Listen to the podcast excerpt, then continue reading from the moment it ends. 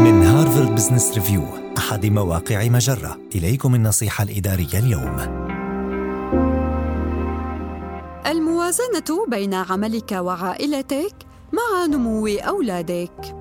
يركز كثير من النصائح المقدمة للآباء العاملين على المرحلة التي يكون أطفالهم فيها صغارا ولكن تظهر تحديات جديدة عندما يكبرون. مثلا عندما يدخل طفلك إلى المدرسة تتغير الترتيبات التي اعتدت الاعتماد عليها عندما كان يذهب إلى الحضانة. استعد لهذا الانتقال عن طريق التفكير مسبقا في الترتيبات الجديدة التي ستحتاج إليها وإعداد الميزانية اللازمة لها قد تضطر إلى تأمين الرعاية لطفلك بعد عودته من المدرسة وفي العطلة الصيفية قبل عدة أشهر. كما ستمر بمواقف لم تمر بها من قبل مثل الأيام المثلجة والانصراف المبكر من المدرسة واجتماعات المدرسين وأولياء الأمور. لذلك يجب أن تهيئ بعض الخيارات الاحتياطية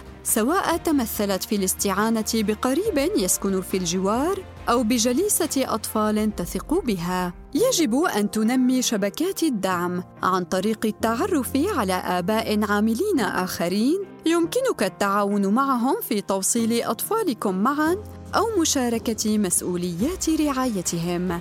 ومن المهم أيضا اكتساب حلفاء في مقر عملك يدعمون جهودك لدمج عملك مع حياتك العائلية. من دون شبكة الدعم الفاعلة ستزداد الموازنة بين العمل والعائلة صعوبة مع مرور الوقت. هذه النصيحة من مقال كيف يتغير مفهوم الآباء والأمهات العاملين مع نمو الأطفال؟